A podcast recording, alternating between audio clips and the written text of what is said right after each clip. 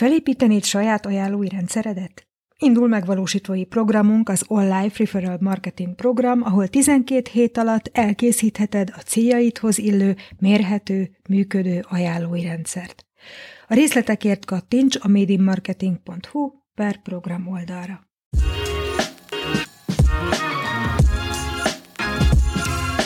Sziasztok! Ez itt az Life marketinges podcastja, a Made in Marketing. Én Hargittai Nóra vagyok, az Life szövegírója.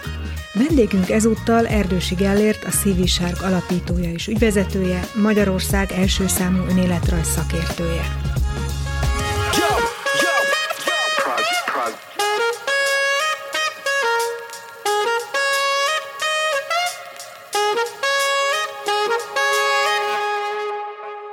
Szia Gellért, üdvözlünk a Made in Marketing podcastban. Szia Nóra, nagyon szépen köszönöm a meghívást, örülök, hogy itt lehetek közöttetek. Engedd meg, hogy kicsit bővebben is bemutassalak a hallgatóknak, na nem mintha erre szükség lenne, hiszen nagyon sokan ismernek, de ezzel egyúttal azt is elárulom, miért is hívtunk meg, miért is érdemes meghallgatni beszélgetésünket. Tavaly októberben, amikor a tartalommarketinges konferenciánk nagy podcast kibeszélő sójának vendége voltál, mint sikeres podcaster, ezt írtuk rólad.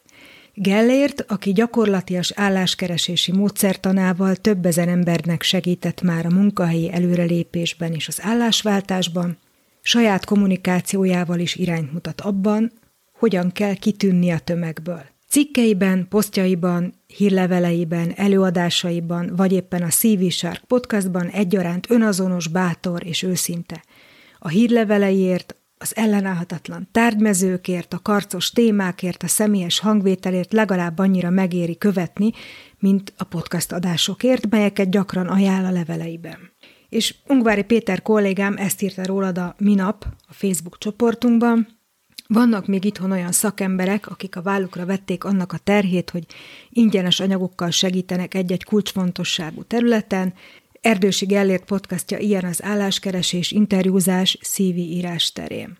A közvetlen apropót pedig az az eredmény adta, amit Facebookon osztottál meg, konkrétan a Spotify évértékelőjét osztottad meg, miszerint tavaly 184%-kal több podcast hallgatód volt.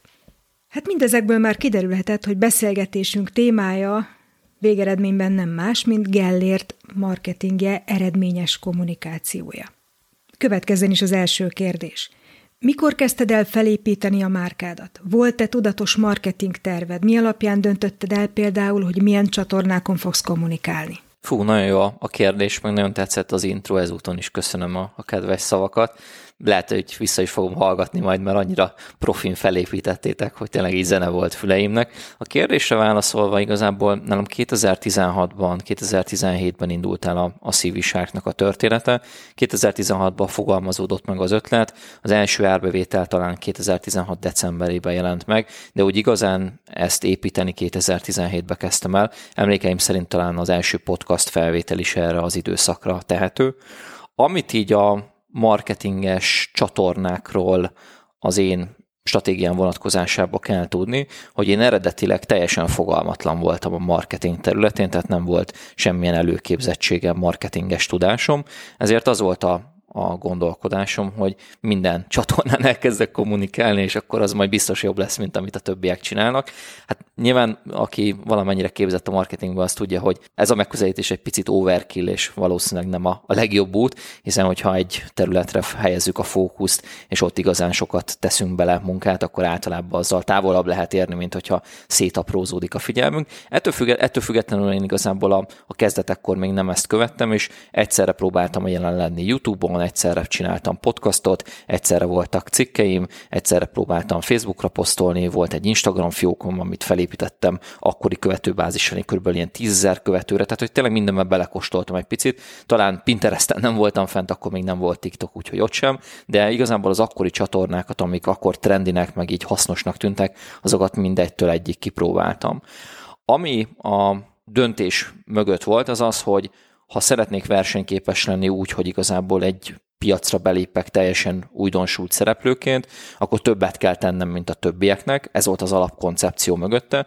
És egyébként a podcastnak azért volt ez egy ilyen építő kockája, vagy ilyen alapzata, mert a podcast volt az a csatorna, vagy az a hely, ahol gyakorlatilag rajtam kívül ebben az iparágban senki nem kommunikált magyar nyelven, ezért az volt az elképzelésem, hogy a podcastot azt nagyon-nagyon megéri nyomni, hiszen ezzel rögtön egyedi lehetek, rögtön kitűnhetek igazából a, a versenytársak közül.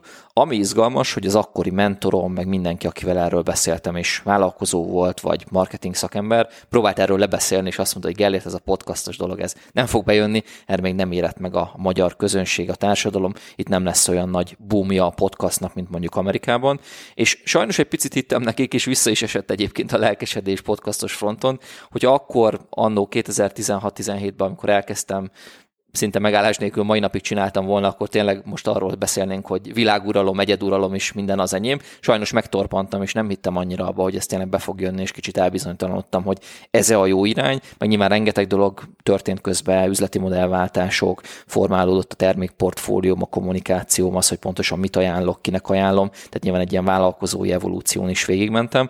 De ami izgalmas az az, hogy nagyon ráéreztem a tutira, csak sajnos nem csináltam elég kitartóan, ez az én hibám. Aztán nyilván ma már látjuk, ugye 2022-ben, amikor ezt az adást felvesszük, hogy 2020-ban, 21-ben nagyon nagyot ment ez a podcastos piac Magyarországon, most már lassan mindenkinek van podcastja, és bár korai belépő voltam, nem igazán tudtam egyébként sajnos akkorát szakítani ezen a piacon, mint amekkorát adott volna az, hogy első tudtam lenni, mert ugye elsőnek lenni általában minden csatornán nagyon megéri. Instagramon ezt, ezt megízleltem, tehát Instagram bár abszolút nem tartozik azok közé a platformok közé, ami ma egyébként egy vevőszerzés vagy kommunikáció szempontjából nekem releváns lenne, mégis ott nagyon nagyot tudtam egyébként az elején szakítani azáltal, hogy első voltam, jól csináltam, még Instagram tréninget is csináltam egyébként korábban.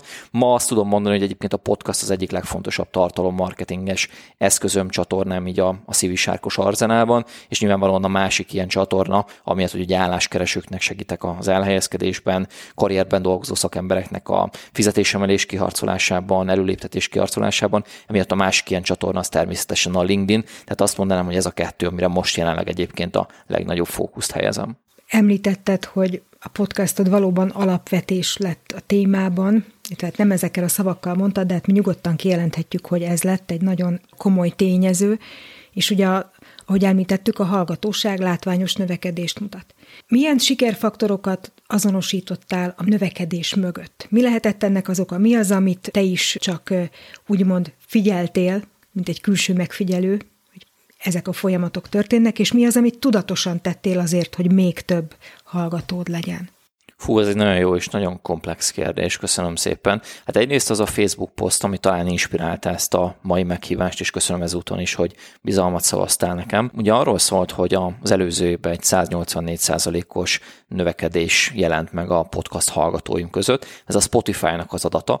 Annyi csalóka van ebben, hogy én a Spotify-ra viszonylag későn tettem fel a podcastomat, tehát egyébként, hogyha csak ezt az adatot néznénk, akkor mondhatnánk azt, hogy ez annak köszönhető, hogy igazából Spotify-on korábban nem volt jelen a podcast, és nyilván könnyű volt növekedni a nulláról. Ez benne van, viszont azt azért érdemes megfigyelni, hogyha egyébként az összglobál hallgatottságot és hallgató darabszámot nézzük meg, egyébként ugye a többi csatornán, itt gondolok ugye a, a tárhely szolgáltatóra, ahol a podcastot tartom, illetve a YouTube-ra, akkor azt lehet mondani, hogy ha bár nem is 184 kal de körülbelül egyébként egy ilyen 1,6-os, 1,7-es szorzót nőttem egyébként hallgatottságba, tehát majdnem egyébként meg tudtam duplázni azt, hogy hányan hallgatták a podcastot mondjuk egy évvel korábbi adathoz képest. Tehát, hogy nagyjából egyébként ez irányban számszakilag egy, egy megfelelő adat. Az, hogy mi történt, ez egy tök érdekes dolog. Én arra jöttem rá, hogy egyszerűen nem lehet kevés podcasttal igazán nagyot elérni, vagy igazán nagy sikert elérni, realizálni, és több adást kell gyártanom.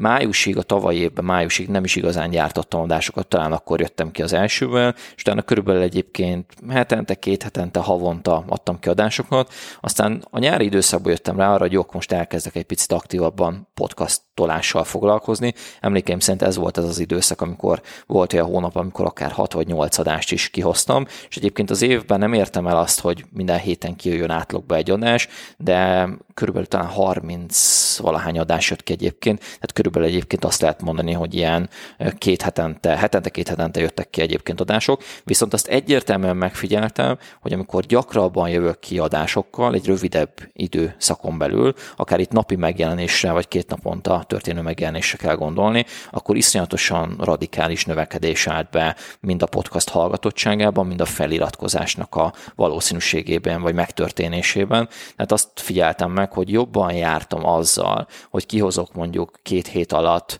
6 darab podcastot, mint azzal, hogy kihozok 6 hét alatt 6 darab podcastot. Ami érdekes, mert logikailag nem feltétlenül gondolnánk azt, hogy ez így van, de mégis valamiért nekem ez jobban működött. Ami egyértelműen tudatos volt ebben az a tartalomgyártásnak, a gyakoriságának a növelése. Korábban egyébként egyik évben se hoztam ki ennyi podcastot, ugye most, amikor ezt az adást felveszük, akkor talán 86. podcastom jött ki legutóbb, tehát darabszámra itt tartok egyébként, ami azt jelenti, hogy az előző évben, hogyha számolunk ezzel a 30 akkor azért abból kiindul, hogy 2017 óta van podcastom, azért azt meg lehet figyelni, hogy nyilván a legproduktívabb az a legutolsó 2021-es éven volt. És ez leginkább annak köszönhető tényleg, hogy megtaláltam a hangomat, azt gondolom, hogy jobbak is lettek a podcastok, mint technikai, technológiai feltételeket gondolok itt, mind egyébként arra, hogy hogyan veszem fel ezeket az adásokat, hogyan gondolom át, miről beszélek benne. Talán lehet, ebben van egyfajta nyilván személyes fejlődés is, egyfajta evolúció is, másrésztről egy picit jobban ráéreztem arra, hogy ez a műfaj ez miről is szól, legalábbis így ilyen egyes formátumban, mert amit ugye kell tudni az adásaimról, hogy jellemzően én nem interjús formátumban veszem fel az adásokat, hanem sokkal inkább egy ilyen monológ, egy ilyen személyes stand-up történik egy szakmai téma kapcsán, ahol megosztom a véleményemet, elmondom azt, hogy mit tapasztaltam, mi történt, sztorizok, próbálok szakmai tanulságokat levonni, és igazából az az alapkoncepció, hogy tényleg értéket adjon a podcast, és legyen mögötte olyan tudás, amit lehet használni. Nekem egy nagyon nagy öröm, meg egy nagyon nagy sikerélmény az, hogy rengetegen visszajeleznek a mai napig azzal kapcsolatban, hogy nem vettek nálam igénybe semmilyen fizetős szolgáltatást, de azáltal, hogy végighallgatták az összes podcastot, elértek mondjuk egy fizetésemelést, elértek egy előléptetést, elhelyezkedtek egy új állásba. Ez nyilvánvalóan tök szuper, hiszen Ugye azt szokás mondani, hogy sokkal több ember tudsz elérni a marketingeddel, mint a szolgáltatásaiddal, a termékeiddel, és ezért is van ugye hatalmas felelősség a marketingeseken, hiszen a marketingeddel fogod a legtöbb embernek az életét megváltoztatni, és nem magával a termékeiddel vagy a szolgáltatásaiddal. És ez egy iszonyatosan izgalmas dolog, hogy ebben a pillanatban, hogyha ezt valaki tudatosítja, akkor ez egy hatalmas felelősség, hogy a, az ingyenes vagy közel ingyenes anyagoknak is legalább olyan jónak, hanem jobbnak kell lennie, mint egyébként a fizetős anyagoknak, hiszen gyakorlatilag itt van a legnagyobb felelősségünk, itt érjük el a legtöbb embert, itt vagyunk a legnagyobb hatással, itt tudunk igazán impactet realizálni. Úgyhogy én nagyon törekszem arra, hogy ezek az adások tényleg szívből jöjjenek, minden tudásomat belerakjam, nem tartok vissza semmit, nem arról van szó, hogy egy ilyen, ilyen kamu brandépítés történik, vagy egy ilyen alakoskodás, hanem tényleg belerakom azt, amit beleraknék egy tanácsadásba. Talán azt mondom, hogy ha üzleti szempontból nézzük, akkor nem vagyok elég kapitalista, és túl sokat is odaadok ezekbe az adásokba, de talán ezért is lett ez a podcast sikeres. Ami ebből tudatos, az nyilvánvalóan az, hogy ilyen értékadó szemlélettel csinálom. Amiben kevésbé voltam tudatos az elmúlt években, az ennek a időbelisége, meg a naptár szempontjából a, a tervezése, tehát nem tudtam mondjuk azt megmondani egy, egy fél évvel előre, hogy mondjuk fél év múlva egy ilyen adáson fog megjelenni. Én picit ilyen szempontból ilyen adhok, inspiratív módon működöm. Vannak pillanatok olyan helyzetek, amikor eszembe jut egy téma, vagy van egy beszélgetésem valakivel, előkapom a podcastos felszerelésemet, szerencsére most már van olyan felszerelésem, hogy ezt fel tudom venni a saját irodámba, és gyakorlatilag abban a pillanatban leülök, és felveszek egy, kettő, három, négy podcastot. Ilyen szempontból szerencsére van egy olyan adottságom, hogy ha kell, akkor akár órákon keresztül tudok megállás nélkül beszélni, és több adást egymás után rögzíteni. Ezek ritkán történnek egyébként skriptelés szerint. Nyilván vannak vonalvezetések, van egy alapvázlat, alaptanulságok, vagy hogyha egy olyan adásról van szó, ahol mondjuk hét dolgot sorolok fel valamivel kapcsolatban, akkor nyilván azt a hét dolgot előre rögzítem, de egyébként általában inkább improvizatív módon születnek meg ezek a tartalmak, és próbálok tényleg úgy beszélni benne, mint hogyha most hozzád beszélnék. Hát ezzel már a részben a következő kérdés is megválaszoltad, hogy vajon készülnek-e skriptek, mennyire tudatosan tervezed meg az adásokat. A témákat mennyivel előre tudod? Mennyire van a fejedben, hogy mondjuk a következő hónapokban miről fogsz beszélni?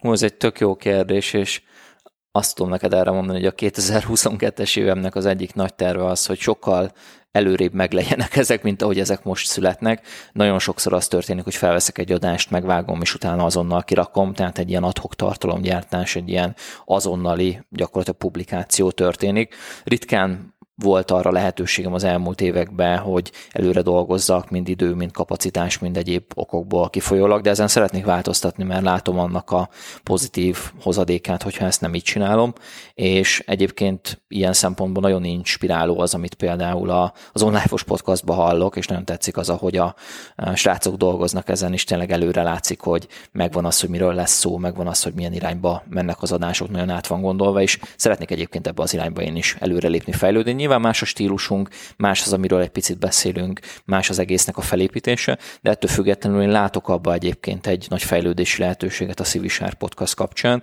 hogy megtartva ugyanezt a stílust, megtartva ugyanezt a, az adás dinamikát, egy picit több tudatosságot viszek a tervezésbe, és abba, hogy miről és hogyan lesz szó.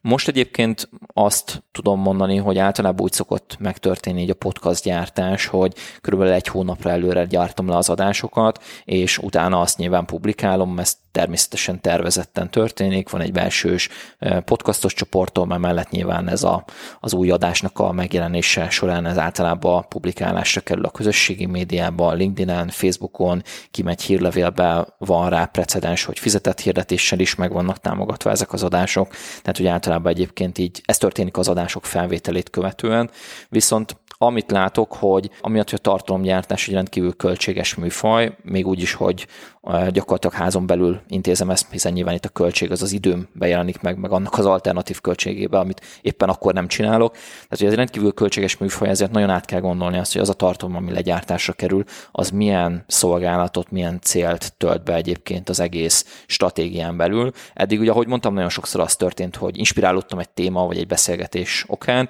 és abból készítettem egy podcastot. Most már úgy csinálom, hogyha bármilyen inspiratív pillanatom születik, akkor van egy, mondhatni egy ilyen story bankom, vagy egy ilyen podcast eh, témabankom, ahol gyűjtöm ezeket a lehetőségeket, és hogyha esetleg van egy olyan napom, amikor csak a podcastolásnak szentelem az adott napot, vagy úgy érzem, hogy egy ilyen jobb pillanatom van, mert ez azért valamennyire szerintem hangulatfüggő is, hogy az ember úgy igazán jó podcastokat tudjon felvenni, akkor leülök és több podcastot is felveszek. Amit még kérdeztél, hogy mennyire készülök ezekre az adásokra, én amiatt készülök kevesebbet, mint szerintem talán az átlag, mert én arról beszélek podcastban, amiről egyébként beszélek a munkám során is. Tehát gyakorlatilag nem egy olyan témát mutatok be, amit nem ismerek, hanem egy olyan témát mutatok be, amit kismilliószor elmondtam az ügyfeleimnek egy személyes tanácsadáson, bemutattam egy tréningen, blogoltam róla, átadtam a fizetős tréningeimbe, tehát igazából gyakorlatilag nyilván arról szól a kommunikáció egy az egyben, ami kívülről belülről ismerek, emiatt kisebb felkészülésre van szükségem, mint szerintem egy olyan esetben, amikor a, a téma az új.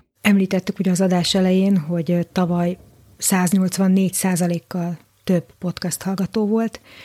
Tudsz még nekünk mondani adatokat, eredményeket? Például hányan töltenek le átlagosan egy adást, hány letöltés volt eddig összesen? Persze. Én azt mondom egyébként, hogy ilyen szinten a, a Civisár podcastot egyébként abszolút sikertelennek könyvelném el, mert annyira nem hallgatják sokan, mint amennyire szerintem jók az adások, de ettől függetlenül szívesen mondok számokat. Most általában egy adást ilyen 1000-1500-an hallgatnak egyébként, meg a jobb adásokat ilyen 2-3 ezeren, és hogyha az összhallgatottságot nézzük, mióta a podcast létezik, akkor hogyha összeadom a a tárhelyszolgáltatós, illetve a Spotify-os mérési adatokat, akkor egyébként most tartok ilyen 70-72 ezer lejátszásnál, és hallgató darab számba a Spotify 1700-at ír, viszont nagyjából ugye ebből, ami Spotify-os adat, az azt mondom, hogy így az egynegyedet, tehát hogy szerintem ilyen körülbelül ilyen 7 és 10 ezer ember körüli hallgatót jelenthet ez, sajnos ezt a tárhelyszolgáltató ugye nem mutatja így feliratkozás formájában.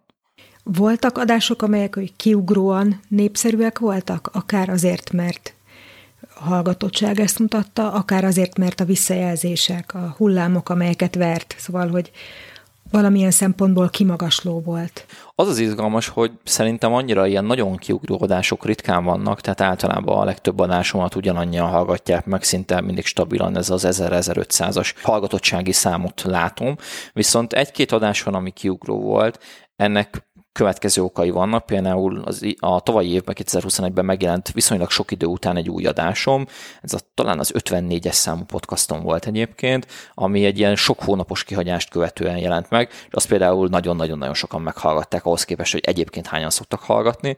Ott nyilván amiatt, hogy sokáig voltam csöndbe, és hirtelen visszatértem, az egy ilyen nagyon nagy spike-ot eredményezett. Ez volt egy ilyen nagy kiugrás, és van egy-két régebbi adásom, amihez készítettem SEO-s blogcikket, és ott pedig a SEO zásnak következtében vannak kiugrások, mert bizonyos kulcsszavakra ilyen top 1, top 2, top 3 rangsorolok, amikre viszonylag gyakran keresnek, és nyilván ez nagyon gyakran régi adásokat is úgymond betesz abba a körbe, amit gyakran meghallgatnak. Tehát, hogy azt mondanám, hogy a SEO, illetve ilyen véletlen egyszeri események, és talán a fizetett hirdetés, de azt nem venném ide, mert ugye nyilván arra nekem van ráhatásom, ami ugye tud segíteni ebben. A terjesztésről már beszéltél, és elmondtad, hogy Facebook csoportban, ugye social médiában, akár hirdetésben is megjelenik egy-egy podcast. Arról viszont még nem beszéltél, hogy konkrétan az értékesítési folyamatban milyen szerepet játszik nálad a podcast? Tehát hogyan néz ki egy átlagos vásárlói útvonal, hiszen ugye az, az értékátadáson felül ugye mégis ebben is komoly szerepe van a, a podcastnak, hogy a végén a szolgáltatásodat értékesítsd. Hol van ebben a podcast szerepe? Hát szerencsére azt tudom mondani, hogy nagyon sokszor ott a szerepe, hogy valaki meghallgatja a podcastot, és úgy keres meg, hogy nem tudja, hogy hogyan nevelem szeretne dolgozni. Nyilván ez egy jó jele annak, hogy a podcast az tényleg jól van felépítve és jól működik, hiszen a podcast az ritkán tartalmaz ilyen direkt értékesítést. Nyilván vannak esetek, amikor megemlítek egy terméket, vagy egy konkrét sztorit, és kiderül, hogy valamivel valamilyen formában foglalkozom, és ezen keresztül valaki megkeres, de ritka az, hogy adások így értékesítésről szólnak. Egy-kettő olyan adás van, ahol egy picit többet beszélek arról, hogy hogyan szoktam valakivel együtt dolgozni.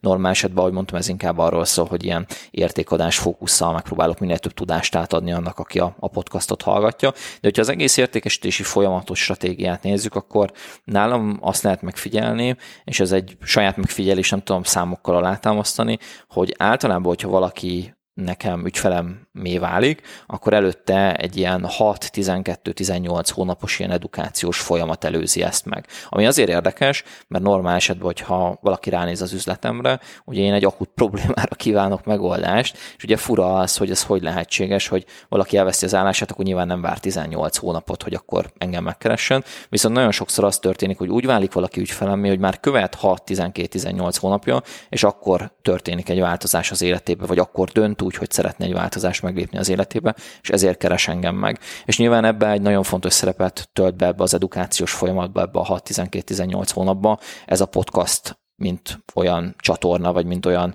tartalomközlési lehetőség, amivel átadom az üzenetemet, a gondolkodásmódomat, az, hogy hogyan dolgozom, mi az értékrendem, mihez értek igazán, hogy tudok valakinek segíteni. Tehát természetesen ilyen szempontból a podcast szerintem ennek szerves része. Meg azt vettem észre is, ez, ez nyilván egy, ezzel nem fog újat mondani a, a podcast hallgatóinak, hogy a podcastnál azért nagyon minőségi közönséget, egy szűrt társaságot lehet megtalálni a podcast által. Tehát általában, aki nálam podcastból érkezik hozzám, az mindig mindig a, az ideális ügyfél az esetek döntő többségében. Tehát ebből a szempontból mindenképpen egy fontos csatorna, és annó, amikor meghoztam ezt a döntést, hogy ezzel foglalkozni fog, az egy jó döntés volt, így utólag ezt mindenképpen ki tudom jelenteni. Említetted, hogy a másik fontos csatorna, ahol kommunikálsz, vagy ahol a marketinged tulajdonképpen zajlik, az a LinkedIn. Mondanál pár szót arról, hogy ennek mi a szerepe?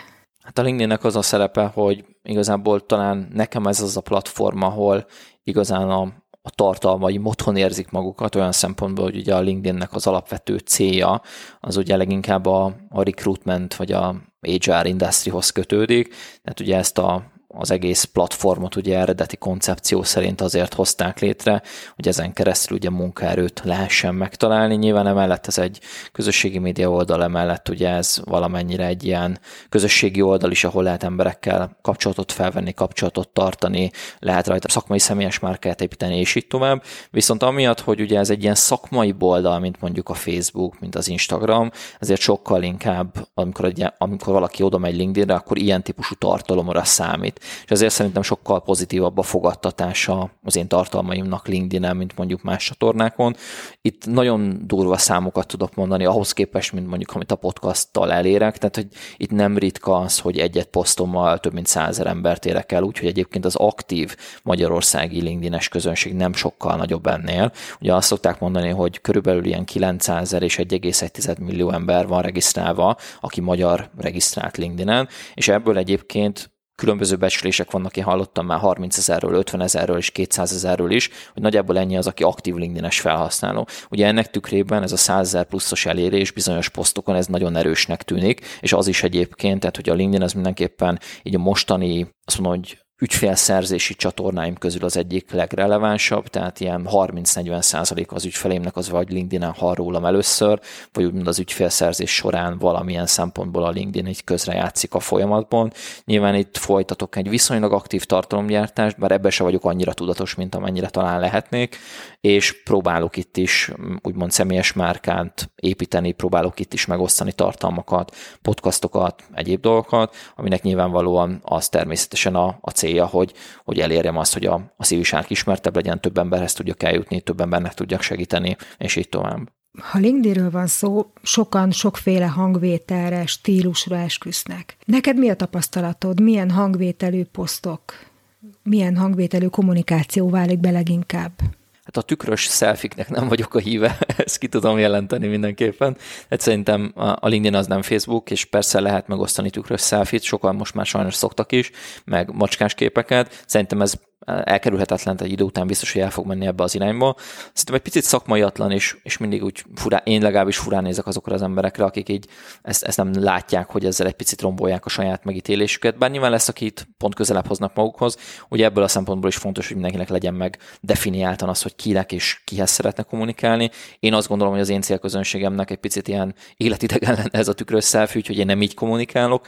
Képeket sem nagyon szoktam magamról megosztani, nem osztom meg, hogy mit tettem mondjuk LinkedIn-en. Arra ott az Instagram, a storyk, esetleg a Facebook, bár megmondom őszintén, hogy így a személyes életem vonatkozásában nem vagyok annyira aktív, ami talán egyébként fejlesztendő is lenne, mert abban a közegben ugye gyakorlatilag az e-learninges közegben, vagy a, a, az ilyen kurzusgyártói közegben, tanácsadói közegben, ahol én mozgok, mint vállalkozás, ott nagyon sokszor egyébként ugye Amerikában, de Magyarországon is ez a kicsit ilyen guru modell létezik, hogy meg kell mutatni, hogy minden milyen szép, meg milyen jó, és hogyha ezt nem teszed meg, akkor ugye nem vagy elég jó tanácsadó, vagy nincsen elég sikeres céged. Ebben valószínűleg, hogyha mennék a, a csordával, akkor fejlődnöm kéne mindenképpen. Nem megyek annyira a csordával, ez a marketing szempontból, elérés szempontjából rossz, viszont abból a szempontból jó, hogy önazonos tudok maradni, aminek örülök. Tehát, hogy ennyit talán erről a részéről, de hogy milyen hangvétel jön be, nekem az a tapasztalatom, hogy ami nagyon jól működik, azok a szöveges tartalmak, és nem a cikkek, hanem ténylegesen csak a státuszbejegyzések, ahol azt a körülbelül 1200-1300 karaktert valaki kimaxolja,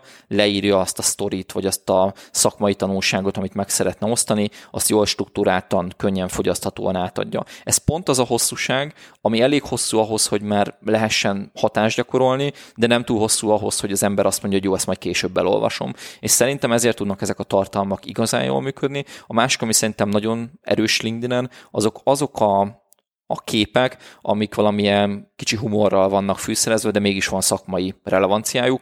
Például izgalmas, hogy valaki felmegy a profilomra, meg fogja találni a featured funkció alatt egy ilyen Harry Potteres fotómat, nem akarom lelőni a poént, az egyik legsikeresebb posztom volt, és mindössze négy-öt szót írtam hozzá kommentárként. Tehát, hogy nagyon ügyesen lehet egyébként azzal játszani, hogy hogyan tudjunk szakmaiak maradni LinkedIn-en, viszont mégis közben hogy adjuk át a véleményünket, hogy formáljuk igazából másoknak a gondolkodását, mert szerintem azért itt azért nagyon komoly influencerkedés lehet jó értelemben megvalósítani ezen a platformon, és ahogy mondtam, én ezt valamennyire felelősségemnek is érzem, hogy a marketingemmel legalább annyira hatás gyakoroljak, mint a termékeimmel, meg a szolgáltatásaimmal. Mondtad, hogy bizonyos posztjaidnak akár százezres elérésük is volt a LinkedIn-en. Tudsz példát mondani? Ezen a, például ezt a Harry Potteres posztot most itt földobtad, és ez egy ilyen remek tízer ahhoz, hogy, hogy ezt tényleg megnézzük, hogy milyen, de vannak olyan konkrét témák, akár szöveges poszt témák, amelyeket így meg tudsz említeni? Témák, amelyek ugye kétség kívül ezek szerint érdekelték a hallgatóságodat.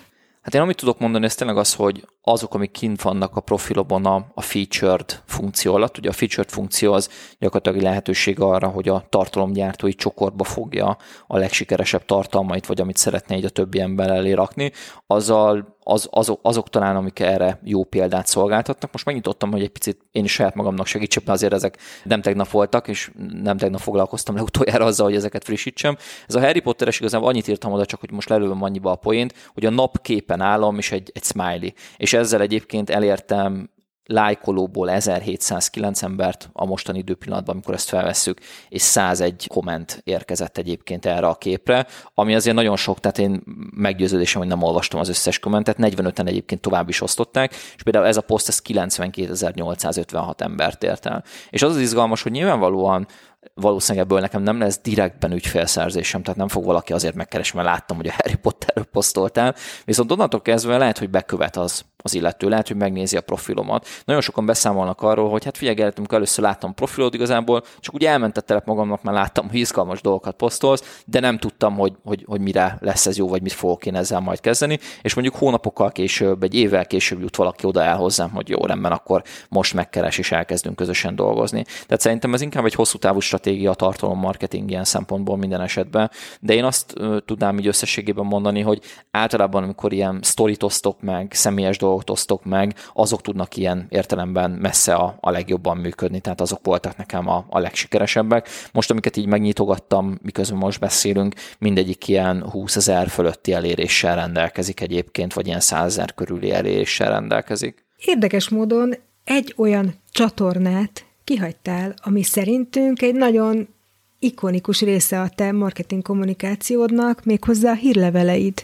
Igen, ezt gondoltam, hogy ezt, ezt fogod majd mondani, meg nekem is eszembe jutott, hogy lehet, hogy ezt meg kellett volna említenem. Igen, van egy elég aktív hírlevelen történő kommunikációm is, ez is egyébként a kezdetektől fogva megvan. Talán ez az egyik leghasznosabb tipp, amit valaha megfogadtam. Még a Pat Flynnnek hallgattam egyébként a, a podcastját, még a, nagyon a, a kezdeti időkben, amikor tanultam a marketinget, a vállalkozást, az egésszel elindultam, és ez egy ilyen nagyon jól összerakott podcast volt kezdőknek, abszolút így érthetően, struktúráltan összefoglalva, hogy mit kell tudni a tartalomgyártásról, marketingről, üzleti stratégiáról, ügyfélszerzésről, tényleg mindenről volt benne szó, meg a Pat Flynnről azt érdemes egyébként tudni, hogy abszolút az a, azzal az értékrendel rendelkezik szerintem, mint amivel ti is, meg igazából az egész online-os filozófia, meg a civilság, hogy, hogy értéket létrehozni, és, és tényleg valami olyat megalkotni, ami másoknak hasznos, és, és előre viszi az életüket. Tehát nekem nagyon, nagyon tetszett ez a podcast, meg mai napig nagyon szeretem, és gyakorlatilag így visszatérve a, a Pat Flynn-es történetre, abban a podcastban hallottam azt, hogy őt megkérdezték egyszer, hogy mi lenne az a dolog, amit, amire azt mondaná, hogy a valaha volt legjobb tipp, amit kapott, és azt mondta, hogy hát az, hogy a nulladik naptól el kell kezdeni hírlevelet építeni, meg hírlevél listát építeni. Én ezt elkezdtem, tehát ez, ez az a dolog, amit viszont jól csináltam, és ezt, ezt szerencsére nagyon konzisztensen a mai napig művelem. Nyilván törekszem arra, hogy nagy listát építsek, de soha nem az volt a cél, hogy nagy, hogy nagy is lista, inkább az, hogy minőségi. Biztos vagyok benne, hogy meg fogod kérdezni, hogy megelőzlek. Nagyjából a listám egyébként így a, attól függően, hogy milyen, melyik időpillanatot nézzük meg, listatisztítás előtt, után, kampány előtt, után. Nagyjából azt tudom mondani, hogy így az elmúlt években ilyen 8000 és 15 ezer ember között változott egyébként, de azért ez egy eléggé engaged lista, ami azt jelenti, hogy azért jók a megnyitási arányok, 20 és 40 százalék közötti, az átkattintás is nyilván témafüggő igényében elég erős szokott lenni, tehát hogy ezzel azért el tudom érni ezt a közönséget elég erősen. A hírleveleidhez készítesz előre tartalomtervet?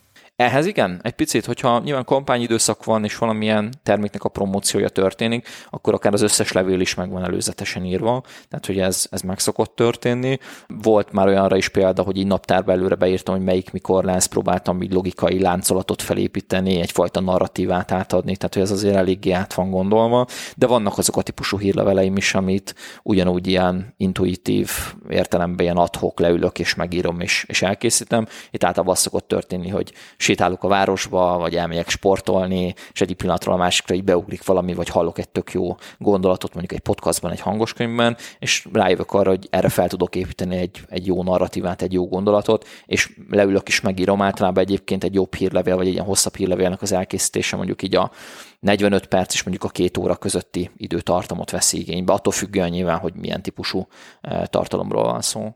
Többféle műfajú hírlevelet készítesz. Tehát vannak kifejezetten szélszes levelek, amiben tényleg fölhívod a figyelmet arra, hogy most jelentkezhet valaki valamire, vannak kontentesebb levelek, amiben inkább tényleg így az értékátadás motivál, tehát egy, egy tartalmasabb levél, de vannak apró kis szösszenetek, ami egész egyszerűen csak feldobja az embert, megmosolyogtatja, és hihetetlen jó tárgymezők vannak.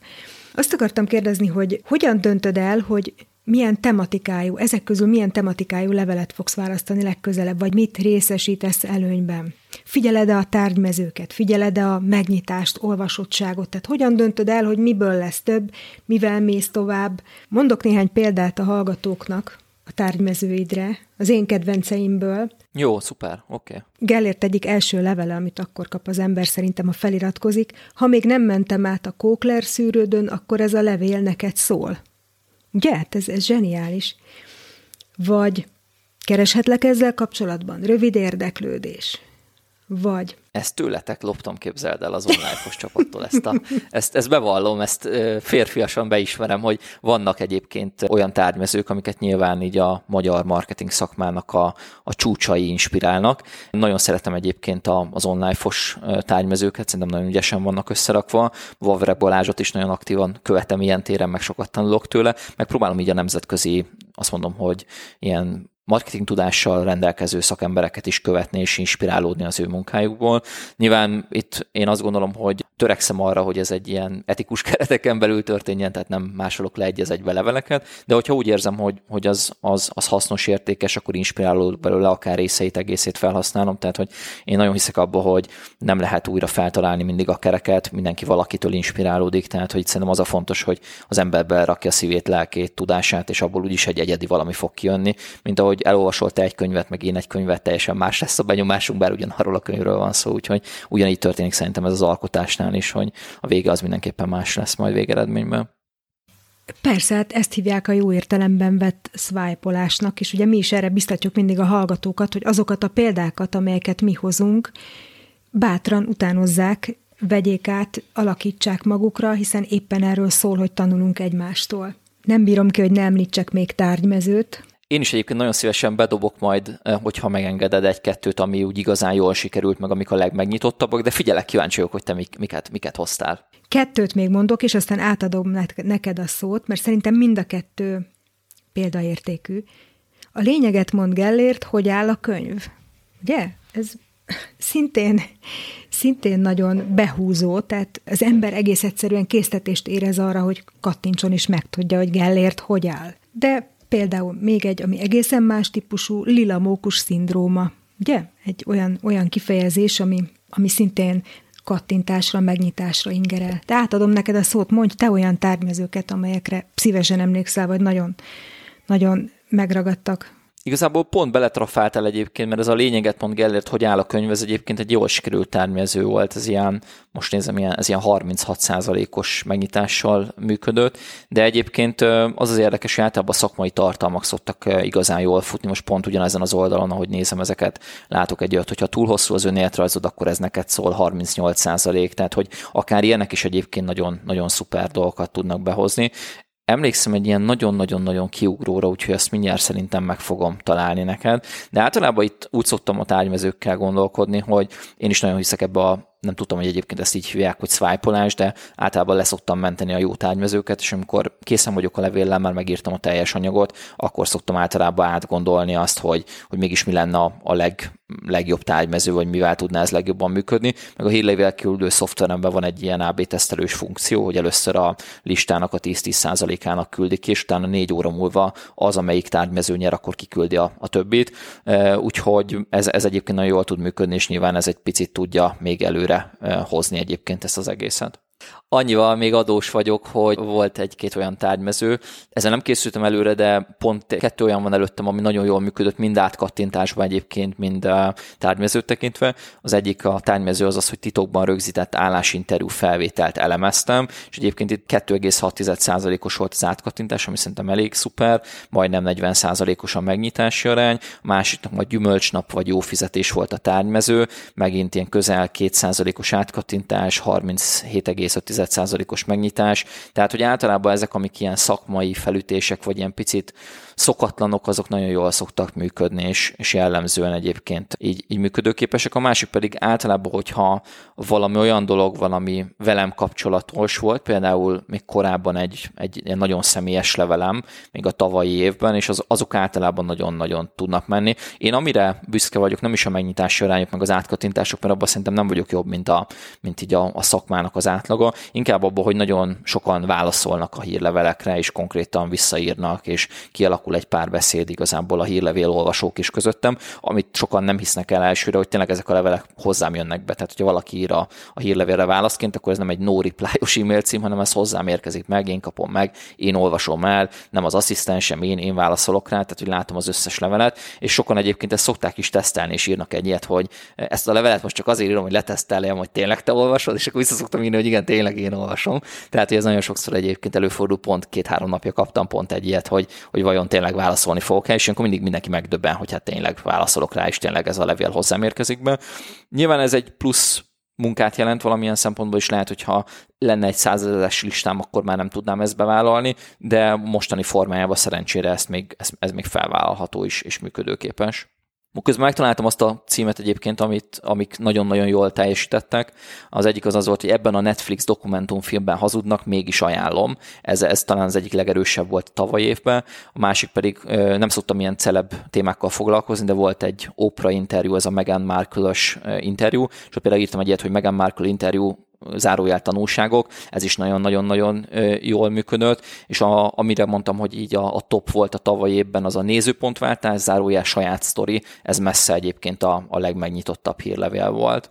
Úgyhogy ezek nagyjából, amik így, így most így a, a listámon vannak. Lehet, hogy volt még jó, de most nem láttam az összeset, úgyhogy elnézést, hogyha valamit kihagytam véletlenül. Nagyon köszönöm, ez, ez, ez nagyon-nagyon hasznos szerintem a hallgatóknak, és biztosan elgondolkoznak rajta, hogy vajon az ő területükön milyen lenne egy, tárgy, egy ilyen hangulatú, ilyen összetételű, ilyen rendszerű tárgymező. Nem tudom nem megkérdezni, hogy mi az, amit eddigi tapasztalataid szerint, mi ez a kommunikációs csatorna, platform, amit már biztos, hogy nem használnál többet, amihez nem térnél vissza, ami, ami nem volt eredményes, nincsenek jó tapasztalataid a saját kommunikációt szempontjából. Tehát mi az, amire azt mondod, hogy ezt inkább meghagyom másnak?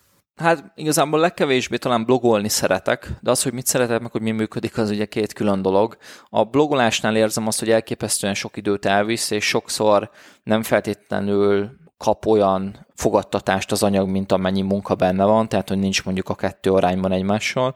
Már a 2022-es évben SEO fronton szeretnék nagyot előrelépni, és most dolgozom is ilyen szakemberrel, pont most fogok majd publikálni egy anyagot, csak ilyenkor az ember mindig elgondolkodik azon, hogy egy ilyen hosszabb anyagba, mondhatni ilyen felhőkarcoló anyagba, vagy részletesebb szakmai tartalomba azért belemegy nettó időbe egy napunka is akár, ezzel szemben egy podcastot létrehozni, nekem, nem tudom, hogy ez másnál hogy van, de nekem ugye mondjuk egy maximum egy ilyen 3-4 óra munka, tehát ezt a kettőt így egybe rakom, akkor nem biztos, hogy nekem a blogos tartalom az, ami a, a legszerencsésebb. Tehát, hogyha azt mondom, hogy, hogy mit csinálnék, mit nem csinálnék, akkor most már inkább gondolkozom úgy, hogy mit, mi az, amit az erősségeimre tudok építeni, meg mi az, amivel a legnagyobb impactet tudom elérni.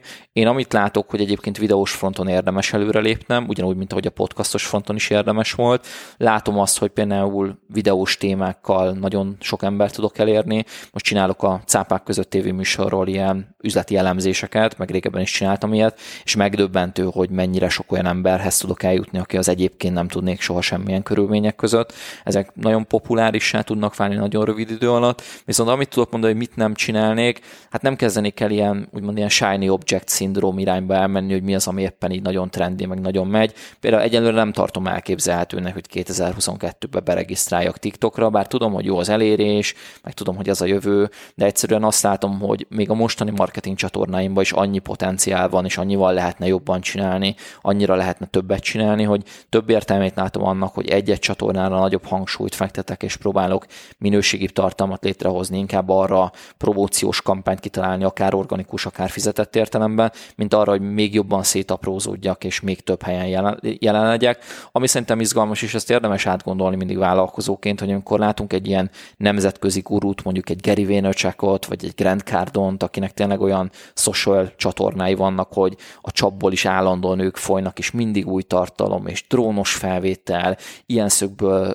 megy, olyan szögből megy a kamera, száll be az autóba, sétál a repülőtéren, magángép, stb. Hát amikor ezeket látjuk, akkor egy picit így kis vállalkozóként szerintem az emberben van egy olyan érzés, hogy úristen, soha nem leszek itt, vagy mennyire távol vagyok ettől, vagy van bennünk talán kicsi bűntudat is, hogy, hogy miért nem vagyunk ennyire jók, még miért nem csinálunk ennyi tartalmat, ilyen fancy tartalmakat, és ilyenkor szerintem az ember akár így rosszul is érezheti magát, és én mindig azzal nyugtatom magam, és azóta egyébként teljesen azt mondom, hogy hidegen hagy, hogy ők ilyen tartalmakat csinálnak, hogy tudom azt, hogy például Gary Vaynerchuknak a legutolsó információm alapján egy 14 fős content csapat csinálja a videóit, ebből nyilván van vágó, van videós, van olyan, aki gondolom megcsinálja igazából a, a screenplay-t, meg azt, hogy ki hova megy, mit mond, mikor mondja, gondolom megvan előre az, hogy mikor mit vesznek fel, mint ahogy te is tök profin átküldted előre, hogy nagyjából a mai adásban miről lesz szó. Természetesen, hogyha ezt leveszik úgymond a tartalomgyártónak a válláról, és neki csak beszélnie kell, meg kell jelennie, ott kell lennie, akkor nyilván minden egyszerűbb, meg ugye, ahogy ugye beszéltünk erről ma már a tartalomgyártásnak, azért minden esetben egy nagyon komoly költsége van. Mindenki tudja, aki podcastot gyárt, hogy ez az adás is, amit most felveszünk, ezt valaki meg fogja vágni, neki vagy van egy munkaideje, van egy bére, nyilván az, hogy mindketten itt vagyunk, és nem valami más csinálunk, az is idő, az is pénz, az is erőforrás, tehát hogy itt igazából azt kell látni, szerintem a hallgatónak, meg a tartalomgyártónak egyaránt, hogy gyakorlatilag amikor létrejön mondjuk egy 50 perces adás, egy két órás adás, akkor sokszor abban egy nap, két nap munka is akár benne van, és nyilván, hogyha valaki egyedül csinálja, vagy kis csapattal csinálja, akkor arra nincsen kapacitás, hogy napi szinten előjöjjön ilyen új tartalmakkal, és nem is szabad szerintem saját magunkat emiatt ostorozni, hiszen gyakorlatilag nincsenek ilyen lehetőségeink még, meg kérdés az, hogy szeretnénk-e, mert ugye ez, egy, ez már egy stratégiai kérdés, hogy egyébként mennyire szeretnénk tömegesen tartalmat gyártani, és picit elmennénk ebbe az influencerkedés, mint a szakmai tartalom irányba. Én most inkább a szakmai tartalom irányba megyek, mint az influencerkedés irányba. Próbáltam a másikat, és van egyébként pozitív hozadéka, tehát nagyon sokáig ezt kevesen tudják rólam, vagy hát azt mondom, hogy azok tudják rólam, akik Instagramon mondjuk aktívan követtek ilyen 2018-19 környékén, hogy én napi szinten instastoriztam, rengeteget posztoltam Instagramra, és egyébként a két profilomon, amit fenntartok, ilyen kb. 16 ezer követőm van összesen, tehát az még úgyse számít kevésnek, hogy relatíve egyébként korán kezdtem el az Instagrammal foglalkozni, mert hozzám hasonló szakmai és személyes tartalmakat megosztó profilok sokszor csak pár ezres követettségen állnak.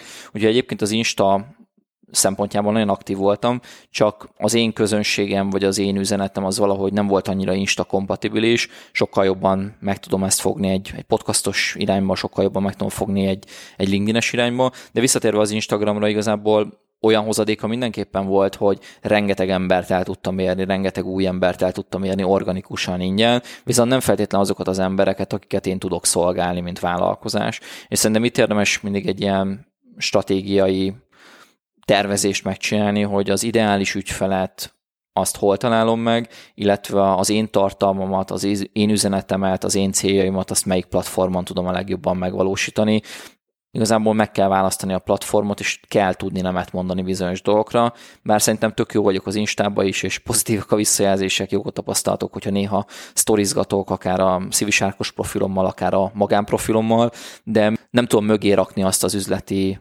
racionalitást, amit mondjuk egy LinkedIn, vagy egy podcast, vagy egy YouTube csatorna mögé tudnék. Most már csak az maradt hátra, hogy megkérdezzem, hogy mi az, amit 2022-re tervezel? Mi az, amit így a marketinges zászlódra írnál? Hú, tök jó a kérdés, nem tudom, hogy mennyire kommunikálhatok róla, de eh, terve van az, hogy egy, egy új podcast fog elindulni, erről még egyelőre nem árulhatok el sokat, de remélem, hogy egyébként megvalósul, és egy picit ilyen szempontból podcastos fronton még tovább erősödök. Nagyon nagy célom az, hogy tényleg az idejében már összehozzam azt, hogy minden héten összességében meg tudjon jelenni egy adás, tehát hogy azt mondom, hogy összesen, amikor az év végét írjuk majd 2022-ben, akkor azt tudjam mondani, hogy átlagban hetente egy adás kijött podcastos fronton, e- erre, ezzel nagyon elégedett lennék, és egyébként ami még talán célom az az, hogy amit korábban említettem is, hogy SEO fronton egy picit előrelépjek, és tudatosabban gyártsak blogos tartalmakat is, illetve videós tartalmakat, és ami egy nagyon azt mondom, hogy ilyen távolabbra mutató stratégiai célom az az, hogy rengeteg kisebb, nagyobb termékem, értékesítési töltsére, mondhatni ilyen funnelem van, viszont nagyon valamelyik régi, valamelyik picit átalakult, más több rendszerből tevődik össze, és ezeket szeretném itt teljesen tisztázni és rendbe rakni, és, és átgondoltam, stratégiába ágyazottam összehozni ami azt jelenti, hogy nyilván elő fogok jönni új dolgokkal is, viszont a másik oldalon pedig a meglévő régi dolgokat a helyükre rakom. És csak hogy a legütősebben zárjam, ugye benne vagyok most a könyvírásnak a folyamatában, 2022-ben meg fog jelenni a Cápa törvények című könyv, ami igazából azt mondom, hogy az eddigi szívi sárkos munkásságomra így a, az íre felrakja a pontot, és keretbe foglalja mindazt, amit gyakorlatilag most már egy fél évtizedet csinálok így a, a szívi a, a berkeim belül, úgyhogy ez a könyv ez szerintem marketinges szempontból is egy nagy dobás lesz, illetve van még egy olyan stratégiai célom, amit most, ha nem bánod, akkor nem árulnék el az adásba. Ez egy picit egy üzleti modellemhez és döntéseimhez kötődő dolog, amire azt tudom mondani, hogy nagyjából a könyvvel egy időbe fog érkezni, és szerintem egy izgalmas plusz dolog lesz, amit az idei évben e, így hozok. Erről egyelőre nem mondok többet, de megígérem, hogyha követni fogsz, meg így a hallgatók követnek, akkor fognak ezzel találkozni, biztosan így a közösségi médiában. Kellért, nagyon köszönöm, hogy a vendégünk voltál. Nagyon köszönöm a meghívást, meg a lehetőséget, jól éreztem magam, köszönöm szépen. Köszönöm még egyszer, köszönöm. Szia Gellért! Szia, sziasztok! Ez volt a Made in Marketing Podcast mai epizódja. Kérlek, iratkozz fel a legfrissebb részekért az onlife.academy oldalon, vagy hallgass minket Apple Podcaston, Spotify-on, Google Podcaston, YouTube-on, vagy abban az alkalmazásban, amit használsz. Küld tovább ezt az adást olyan marketingeseknek, szövegíróknak, akiknek hasznos lehet. Tarts velünk jövő szerdán is!